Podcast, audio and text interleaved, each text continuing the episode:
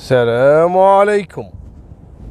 صراحة أنا أحب أهني يعني آه، المسلسلات الرمضانية والبرامج أحب أهنيهم على الفشل يعني. الحمد لله أن قاعد تطرحون مسلسلات تافهة وبرامج تافهة صراحة ما لها أي قيمة وحرام الواحد يضيع وقته قدام التلفزيون. للأسف أنا حاولت اليوم وأمس أشوف يعني ممكن لأن أشوف عندي العيال أشوف الأهل مثلا يتابعون ابى أشوف في شيء مفيد في شيء حتى لو كوميدي يعني شوي يرفع عن النفس ابدا كل اللي يطرح شيء تافه. صراحة هذا شيء زين علشان الناس تصرف النظر عن مشاهدة هالتلفزيون اللي أصبح صراحة ما له أي قيمة. للأسف طبعا. المهم هذا ما هو موضوعي. موضوعي قصة حصلت عام 2008 يسولف لي ضابط وأنا صراحة أحب السالفة اللي تطلع من الضابط نفسه اللي يمسك القصة. خصوصا الضابط تعرفون لما يقعد يشرح لك يشرح لك القصة بتفاصيلها وبكل معاناتها. صديقي هذا ضابط في أيامها يعني في عام 2008 تو كان ملازم أول. يقول يا أبو طلال توني حاط النجمة الثانية على كتفي وعينوني في مركز شمال محافظة صلاح الدين. يقول تعرف أنا أحاول أني أثبت وجودي وتوهم يعني مسكيني المسؤولية وأحاول أني أحافظ على الأمن ومن هالكلام. يقول ما وعيت ذاك اليوم الصبح من الفجر أو يجينا واحد شباب عمره تقريبا 23 سنة يقعد يصرخ قدام باب المركز مركز الشرطة اللي نداوم فيه. يقول الأفراد جوني ركض الحق الحق. في واحد يصرخ والظاهر في مصيبة. يقول أنا طلعت. ولا هذا اللي يلطم ويصرخ وكذا وأنتم وين؟ يا رجال الأمن يا نايمين. ويقعد يسب فينا ويغلط ويبكي وكذا وحالته حاله يعني صاير في حالة هستيرية. إيش فيك؟ اهدى شوي اهدى. إيش صاير؟ قال أنتم نايمين وأهلي ماتوا. واحد داخل وقتل أهلي كلهم وأنتم نايمين ما تدرون عن شيء.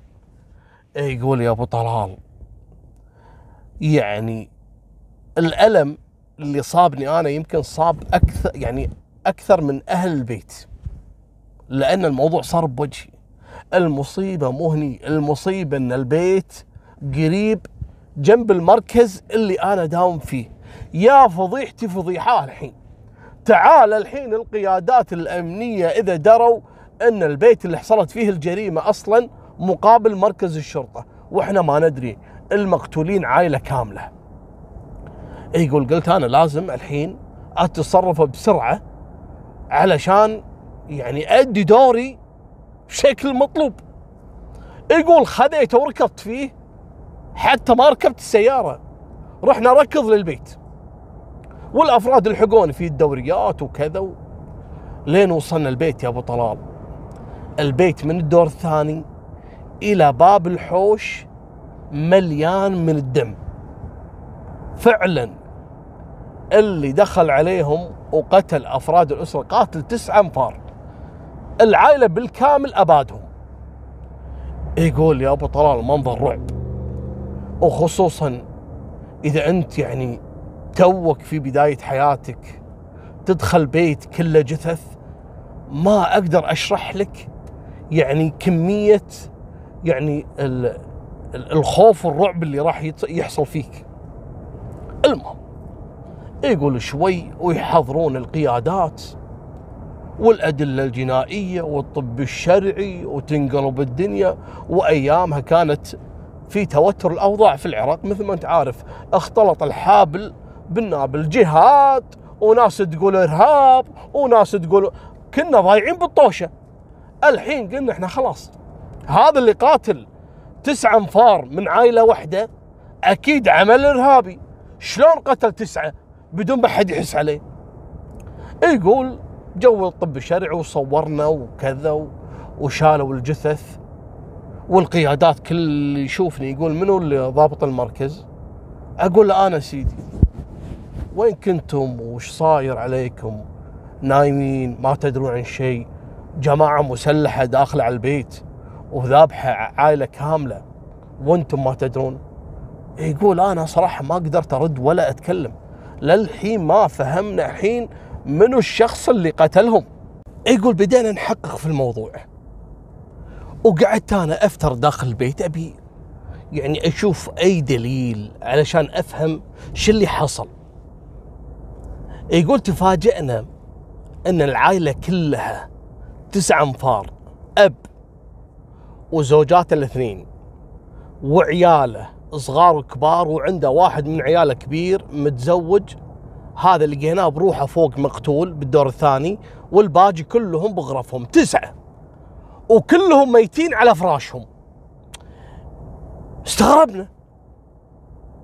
يعني كأنه واحد قاتلهم وهم نايمين. زين لما قتل أول شخص ثاني شخص ثالث شخص ليش ما أحد سمع مثلا؟ حتى لو كان كاتم صوت اللي تم استخدامه في الجريمة لابد أن أحد يسمع. على الأقل أحد يقوم يفز شيء يغير مكانه. كلهم كانوا نايمين. يقول هذا الشيء يقول بحياتي ما مر علي صراحة. المهم قعدت أفتش بالغرف أفتش وأفتش لين صعدت فوق وسألت عن جثة الأخير هذا اللي فوق الولد ولدهم الكبير. متزوج ونايم بغرفة النوم ميت على سريره. قلت هذا شلون يعني؟ وين زوجته؟ ليش ميت بروحه مثلا؟ ليش مو معاه زوجته؟ وين زوجته؟ قالوا زوجته مو موجودة في البيت. قلت حلو. هني بديت أوصل إلى أحد الأطراف في القضية. ما دام إن الزوجة إلى الآن ما ماتت يعني أكيد تعرف صاير. يقول لاحظت شغلة ثانية. الرجل اللي كان فوق يعني بالدور الثاني ميت على سريره لكن في قلاص عصير أو كوباية عصير. لا مو كوباية ما هذه كوباية شاي. آه مثل كوب كوب آه، عصير لكن موجود عند الكوميدينو اللي مو جنب راسه لا الجهة الثانية من السرير. فاستغربت. زين العصير هذا إذا هو شاربه ليش ما كان موجود جنبه يعني؟ ليش موجود بعيد عنه مثلا؟ يقول أنا حطيت هالموضوع ببالي وشلت هالكوباية هذا العصير وعلشان أخذها اوديها المعمل وسألت قلت وين الزوجة؟ سأل هذا اللي بلغ على الجريمة. قال إي زوجة أخوي ما كانت تدري عن الموضوع وموجودة عند أهلها. يقول أنا قعدت أسأله. قلت له زين أنت إيش دراك عن الموضوع؟ هل كنت نايم وياهم؟ يعني إيش معنى أنت يعني اللي ما حد قتل؟ قال لا أنا ما كنت أصلا موجود في البيت. أنا كنت نايم عند أصدقائي وأنا متعود أنام عندهم. يقول وأنا أسولف وياه وفي قيادات واقفين لأن هذا شغلي والموقع الجريمة يكون تبعي لازم أنا اللي أحقق يعني. يقول وأنا قاعد أحقق معاه ويقوم هل الولد هذا اللي اللي بلغ اللي قاعد يصارخ يقوم يصرخ علي ويغلط وأنتم نايمين وأنتم تبون تعرفون المجرمين من عندي أنا. أنتم شنو وظيفتكم؟ يلي ما تستحون. شرها مو عليكم على اللي حاطكم هني. يقول وينرفزني ويغلط علي والقيادات تطالعني. يقول يا أبو طلال أنا ما أدري ليش تصرفت هالتصرف. سويت سالفة ما تسولف. إيش سويت؟ يقول وهو يصرخ علي وقاعد ينرفزني يقول ما وعيت إلا إني ماد إيدي وضربته كف. يقول تصدق يا أبو طلال. الحين واحد مقتولين أهله ويصارخ معذور. إحنا نقدر الموقف لكن لما يتهجم علي ويهيني ويمسخرني وقدام زملائي وقدام العساكر وقدام القيادات يقول أنا ما تحملت أنا صحيح اللي سويته غلط. لكن هذه هذه هذه ردة فعل طبيعية يعني. أنا صراحة ما تحملت ضربته كف. لكن يقول استغربت من ردة فعله. توقعت إنه يزيد. يعني عنف ويعصب ويهجم علي مثلا. يقول سكت على طول. ونزل راسه. يقول أنا يوم شفته كذي أنا صراحة انبسطت. قلت خذوا خذوا هذا بحقق معاه يقول القيادات طبعا قالوا لي أنت ليش تمد يدك على الولد؟ ما يصير وهذا هلا مقتولين. قلت يا سيدي الرجل قاعد يغلط علي ويتهجم علي أنا صراحة ما قدرت أتحمل. لكن يبي يشتكي علي خليه يشتكي. الحين أنا أبيه في التحقيق. أنا مشتبه فيه. قال هلا أوكي كيفك؟ يقول وناخذ الولد لمركز الشرطة. بالبداية يقول أنا اعتذرت منه إني أنا ضربته كف. لكن يا أبو طلال رب ضارة نافعة. يقول شفت لما ضربته كف والولد طخ ونزل راسه يقول استغربت. إيش في سكت؟ كأنه واحد يعني مذنب وكأنه حاس إني كأني كشفته وخاف يعني. قلت له تعال أنا بتأكد أنت وين كنت. لما انقتلوا أهلك. قال أنا نايم عند أصدقائي. يقول فعلا أرسلت عساكر عند ربعة. هذول يدامون في أحد الأسواق وعندهم غرفة قريبة من السوق ينامون وهذا ينام عندهم علشان يشتغل معاهم. يعني يقدر يقعد الصبح مبكر معاهم ومرات ينام عندهم مرات ينام في البيت. قالوا إي نعم هذا جانا بالليل ونام عندنا. قلت خلاص أوكي. سألته سؤال ثاني. قلت له إذا أنت نايم عند ربعك إيش دراك؟ ان واحد قتل اهلك أنت مو المفروض تروح السوق يعني تنام عندهم وتروح السوق. قال إيه اتصلت علي سارة زوجة أخوي. قالوا حلو. الحين سارة مو تقولون هذه اللي هي زوجة أخوك اللي ساكن بدور ثاني صح؟ قال اي نعم. قال زين شلون تقولون سارة أصلا بايتة عند أهلها؟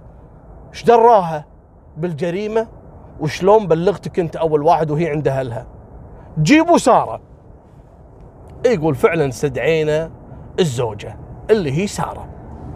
تعال يا سارة. وين كنت لما حصلت الجريمة؟ قالت أصلا أنا كنت بايتة عند عند أمي يعني بيت أهلي.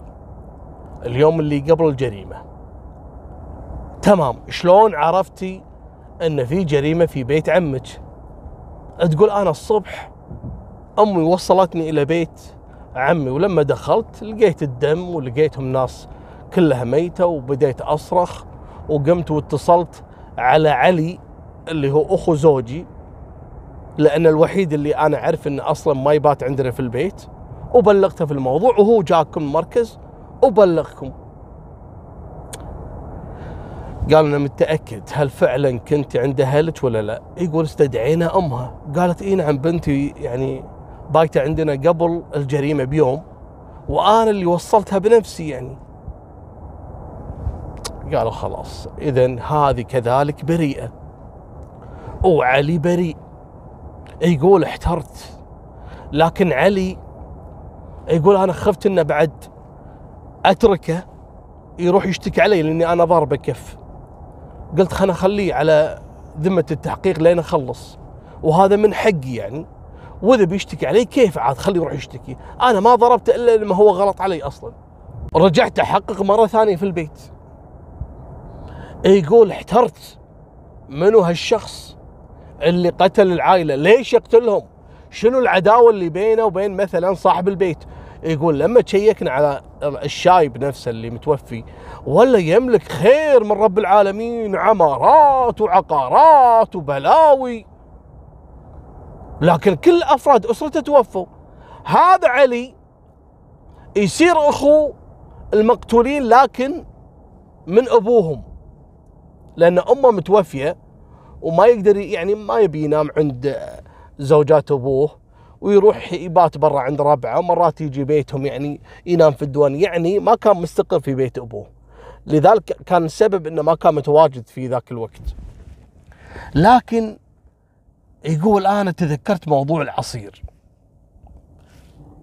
وهذا كنت مصمم عليه. ليش؟ يقول أنا حسيت إن هذول الأفراد التسعة لما تم قتلهم مستحيل كانوا صاحيين. مستحيل. لازم إنهم كانوا نايمين. ولما كانوا نايمين مستحيل نايمين نومة طبيعية. لازم أحد مشربهم شيء. لكن شلون مشرب تسعة أنفار بدون ما يحسون؟ يقول قلنا خلينا نشوف العصير. العصير هذا جانا تحليل مال المختبر إن فيه مادة المنوم ومادة قوية جدا. لكن ما لقيناها إلا في هالكوب هذا مال العصير. لأن تحت الأفراد العائلة كل واحد بغرفته وبالصالة وبالمطبخ نحاول نشوف أي شيء. في كذلك من مادة هالمنوم ما حصلنا إلا هالعصير كانه واحد ناسي يقول أنا قعدت أتخيل السيناريو. منو اللي عطى الزوج العصير اللي فيه منوم؟ بغرفة النوم. أكيد الزوجة. لكن المصيبة أن الزوجة كانت عند أهلها وأمها تشهد. أجل من اللي يقعد معاه بغرفة النوم ويجيب له كوباية عصير قبل النوم غير الزوجة؟ ما حد يسوي الحركة هذه. يقول أنا قلت لا لا. مستحيل أبي أستدعي الزوجة مرة ثانية. يقول رحت وطلبت الزوجة للتحقيق مرة ثانية. اللي هي سارة. يقول جبنا سارة مرة ثانية. وساره منهارة حرام عليكم. بدام ما تدورون اللي قتل زوجي وقتل عمي وقتل أسرته كاملة كل شوي مبهذليني وأنا مرة الحين أصبحت أرملة وعندي عزة وحالتي حالة وأنتم ما عندكم شغل وحاجزين أخو الرجال حرام عليكم. يقول يا أبو طلال تعرف الضغط النفسي اللي صار فيني؟ يقول كنت راح انفجر. قلت ما أدري أنا على صح ولا على خطأ. في شيء غلط بالموضوع. مستحيل جماعة مسلحة. ما في آثار كسر في البيت. ما في آثار مثلا تخريب. ما في كذا. إيش معنى الزوجه اللي عايشة؟ وايش معنى أخوه؟ وهذه شلون كانت عند أهلها؟ زين من مسوي عصير حق زوجها؟ قال لها يبا تعالي. تعال بس سؤال. الحين زوجك شارب عصير فيه منوم. قالت زين وبعدين أنا شنو علاقتي؟ من اللي يدخل على زوجك ويسوي له عصير داخل غرفة النوم؟ زين زوجك إذا شرب العصير ليش ما حط الكوباية جنبه؟ ليش حاطها الصوب الثاني؟ كأن أنت كنت موجودة جنبه وشربتيه العصير وبعد ما خلص خذيت الكوباية وحطيتيها جنبك على اليمين. هذا السيناريو اللي أنا صراحة يدخل عقلي. غير كذي مستحيل. أنت كنت موجودة في البيت. قالت شلون وكذا؟ يقول أنا قلت لا لا لا. حجزتها ورحت استدعيت أمها مرة ثانية. السر عند الأم. يقول أمسك الحجية. قلت له حجية؟ مو عيب عليك. لما استدعيناك أول مرة وخذينا منك التحقيق تقولين فعلا بنتي كانت عندي قبل الجريمة بيوم واليوم الثاني أنت اللي موصلتها بيت آه، زوجها؟ مو عيب عليك يا حجية تكذبين؟ اي يقول وتنهار إلا جيز. وتعترف تقول والله يا ولدي سامحني. والله ما أدري إيش أقول لك بس بنتي خايفة وأنا ما بها تورط في جريمة وبنتي ما لها علاقة. فأنا قلت يعني أخليها يعني كأنها كانت عندي وأنا أشهد عشان لا تأخذونها وتبهذلونها بالتحقيق. ولا بنتي ترى مسكينة ما سوت شيء. قال شو ما سوت شيء؟ يعني كانت موجودة أثناء الجريمة. قالت إي نعم بس هي يوم قالت لي قلنا إحنا ما لنا شغل وإحنا صراحة ما نبي مشاكل والناس اللي دخلوا واقتلوا العائلة صراحة يعني شافوا بنتي وتركوها على قيد الحياة وبنتي خايفة انه يجون مرة ثانية ينتقمون منها وينتقمون من عندنا. ويروح الضابط مرة ثانية عند سارة. قال يا سارة منو اللي دخل عليكم بيت الجماعة المسلحة؟ قالت ها؟ أنا ما أدري.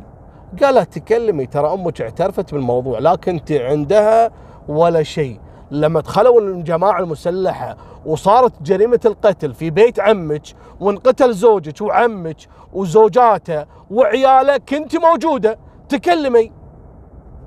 قالت أنا بعترف لك بالموضوع. قالت تكلمي. قالت فعلا أنا كنت موجودة في بيت زوجي وإحنا ساكنين بالدور الثاني. شوي. الساعة أربع الفجر ثلاثة أربع شوي ويدخلون علينا جماعة مسلحة. هم يعني ما وعينا عليهم إلا هم أصلا داخلين علينا في غرفة النوم وإحنا في بيتنا داخل البيت. أنا وزوجي كنا بغرفة النوم وعلى السرير. يوم دخلوا علينا وشهروا سلاح علينا مسكوا زوجي نزلوه من السرير وأطلقوا عليه النار. وأنا قالوا لي أنت مالك شغل. ما أنت مو مقصودة في الموضوع لأن أنت مو من العائلة هذه. إحنا جايين نصفي هالعائلة على موضوع يعني آه له علاقة في جماعات مسلحة وما أدري شنو. فتركوني قالوا لي أنت لا تتكلمين خليك قاعدة هني. بعد ما نطلع تطلعين تروحين لهلك ولا تفتحين فمك بكلمة. وإن تكلمتي ترى راح نروح لأهلك ونقتلك ونقتل أهلك. تقول فعلا يوم طلعوا وأنا قعدت ابكي والطم على زوجي وكذا. انزلوا وبعد نص ساعة بديت أطلع من الباب يعني خايفة منهم أتأكد إذا هم موجودين ولا لا. ولما طلعت ولا العائلة كلها متوفية قمت واتصلت على آه علي اللي هو أخو زوجي لأن أدري إنه هو الوحيد اللي هو ما هو ساكن عندنا في البيت أو ما ينام عندنا يعني. وتوقعت انه إلى الآن على قيد الحياة. وهو جاء وبلغكم قال ها صدقني أنت ما تعرف تكذبين قالت ليش حرام عليك؟ والله أنا قلت الحقيقة. قال إي صح قلت الحقيقة. زين والعصير اللي فيه منوم؟ قالت ها أي عصير؟ قالوا أنت ما تدرين آه، الطب الشرعي والأدلة الجنية أثبتت أن العصير اللي كان موجود في غرفة النوم فيه منوم قوي وما تدرين لما شرحوا الجثث التسعة لأهل زوجك كلهم فيهم يعني في أجسامهم فيهم هالمادة هذه المنومة القوية. وأنت كنت موجودة يعني أنت اللي شربتي زوجك العصير.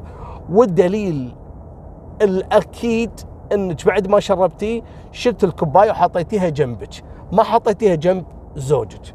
انهارت الزوجه خلاص. خربانة خربانة.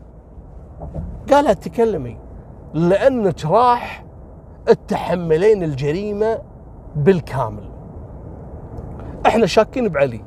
لكن علي عنده اثبات إنه أصلا ما كان موجود في البيت. وأنت كنت موجودة في البيت. تكلمي لا نشيلك الجريمة بالكامل. تقول وتعترف. اسمعوا السالفة. الله لا يوفقها لا دنيا ولا آخرة. تقول فعلا. أنا يوم من الأيام تزوجت من زوجها هذا وأنا صراحة ما أحبه. لكن أبوي لما زوجني هالرجل هذا لأن أبوه يملك بيوت وعقارات وكذا. وأنا كنت على علاقة مع شخص ثاني قبل الزواج. المهم تزوجت ونسيته لكن بعد فترة بديت أحن حق اللي أنا كنت أحبه وكنت أفكر شلون أقدر أتخلص من هالشخص وأرجع بيت أبوي. واهلي ناس على باب الله يعني يعني حالتهم المادية تعبانة. وما هم متحملين حتى أن ترجع لهم بنتهم كذلك مطلقة ويقعدون يصرفون عليها. يعني وضعهم تعبان. فتقول أنا تعرفت على علي أخو زوجي من أبوه. علي راعي مشاكل و... وجريء و... وشوي الولد عقله في وشه. يعني الولد فعلا يعني آه يعني في جنون جنون المغامرة وجنون إنه يجازف وكذا. فأنا شبكت معاه في علاقة عاطفية من وراء أخوه. وقمت عاد حرضه على إنه يتخلص من زوجي اللي هو أخوه وبعد ما يتخلص منه يتخلص من أبوه اللي كان يعذبه. ولأن علي هذا ما عنده أخوان من أمه. ولمن توفت آه، أمه يعني أبوه كان يكرهه وما يحب يشوفه يعني ولا يحب يجابله لأن الولد راعي مشاكل وكل الولد صايع يعني 24 ساعة برا البيت. فالابو تزوج من بعد أم علي آه، زوجتين وعنده عيال وكذا. والمهم هذا الولد اللي هو علي كان يعاني مع أسرته. فأنا لقيتها يعني فرصة إني أحرضه على العائلة بالكامل. فيوم من الأيام اتفقنا أنا وياه أن نحط المنوم في العصير وفي الماي وكذلك في الشاي لأن أنا اللي أطبخ لهم في البيت. وفعلا ذاك اليوم سويت حق العائله بالكامل عصير وشاي وحطيت لهم ماي وكل المواد حطيت فيهم يعني كل المشروبات حطيت فيهم المادة المنوم اللي اشتراها لي علي من أحد الأسواق. وصعدت فوق معاي الكوباية العصير حق زوجي. لما جاء زوجي يبي ينام قلت له اشرب هالعصير. شرب منه شوي فقعدت أقول له لا اشرب أكثر. صدقني طعمه إيش قد حلو إيش قد طيب. اشرب حبيبي. المهم شرب لين الرجال يعني يعني شبع. تقول بعد ما شبع أنا خذيت الكوباية وحطيتها جنبي. نسيت إني أخفيها مثل ما أخفيت اللي هم الاستكانات والغوري وال والصحون وال يعني أي شيء كان فيه عليه المادة هذه المنومة في يعني أواعي المنزلية اللي هي أدوات المطبخ. لميتها كلها إلا الكوبايه هذه نسيتها. ولما طلعت بلغت علي إنهم كلهم ناموا وفي سبعين نومة. يعني إخذ راحتك. علي دخل عليهم بالمسدس كاتم الصوت وبدأ بإطلاق النار على أبوه. وعلى زوجاته وعلى أخوانه الصغار والكبار حتى زوجها اللي كان نايم بروحه في الغرفة. بعد ما واجهوا علي بالموضوع قال بنت الكلب اعترفت علي وقام كذلك اعترف بالموضوع. مالكم بالطويلة تم الحكم على علي بالإعدام. أما سارة الملعونة تم الحكم عليها بالسجن 20 سنة. 2008 ل 2018 ل 2028 راح تطلع سارة.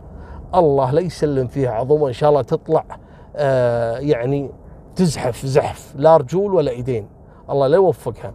أما علي تم فيه تنفيذ حكم الإعدام عام 2011 وهذه كانت نهاية سالفتنا وفمان الله مع السلامة.